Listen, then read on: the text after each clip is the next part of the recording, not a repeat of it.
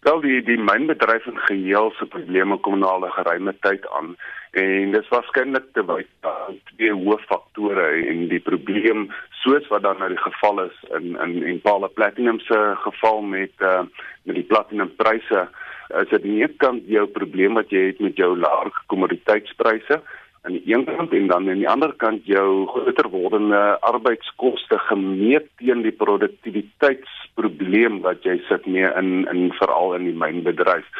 So hierdie is 'n is 'n groter wordende probleem en wat mense sien dat soos in die geval van Impala probeer hulle definitief altyd eers met kostebesparings inisiatiewe na vore kom probeer eers om hulle aktiwiteite goedkoper te maak en eers daarna kyk hulle na dinge soos die aflegging van mense.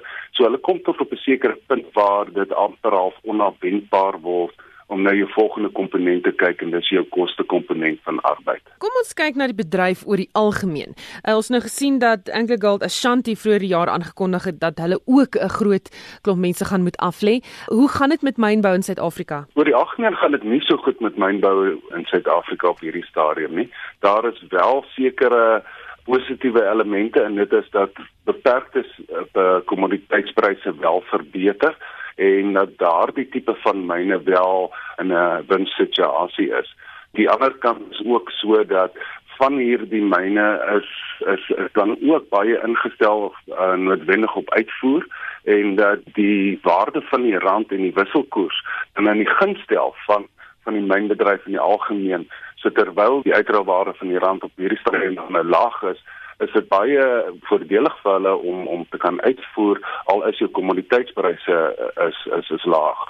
Daarteenoor moet 'n mens kyk na wat is die afleggings wat beplan word en wat tans aan die gang is binne die mynbedryf. Ons sit met Sibanye wat so 7500 mense wil aflê. Anglo Gold wat uh Shanti wat gepraat het van 8500. Bokoni Platinum praat ons van so 3650 mense en so gaan daardie lys aan so die nuutste aankondiging van Impala Platinum so 'n bietjie van 'n van 'n nekkel wat wat wat hier kom in terme van werkskepping en die versekering van werk. Die implikasies vir byvoorbeeld mynmaatskappye het hulle al, jy weet, inkomste verloor as gevolg daarvan, pensioenfonde van mynwerkers, jy weet, afgraderings wat dalk kan plaasvind as gevolg van hierdie handves. Ja, geweldig. Uh, mense gesien al was 'n dadelike reaksie gewees en mynmaatskappye het ongeveer by die 51 miljard rand verloor op die effektebeurs. Uh, pensioenfondse byvoorbeeld was daar 'n noodwendige gevolg onmiddellike reaksie. Pensioenfondse het by 2.7 miljard rand verloor na aankondigings.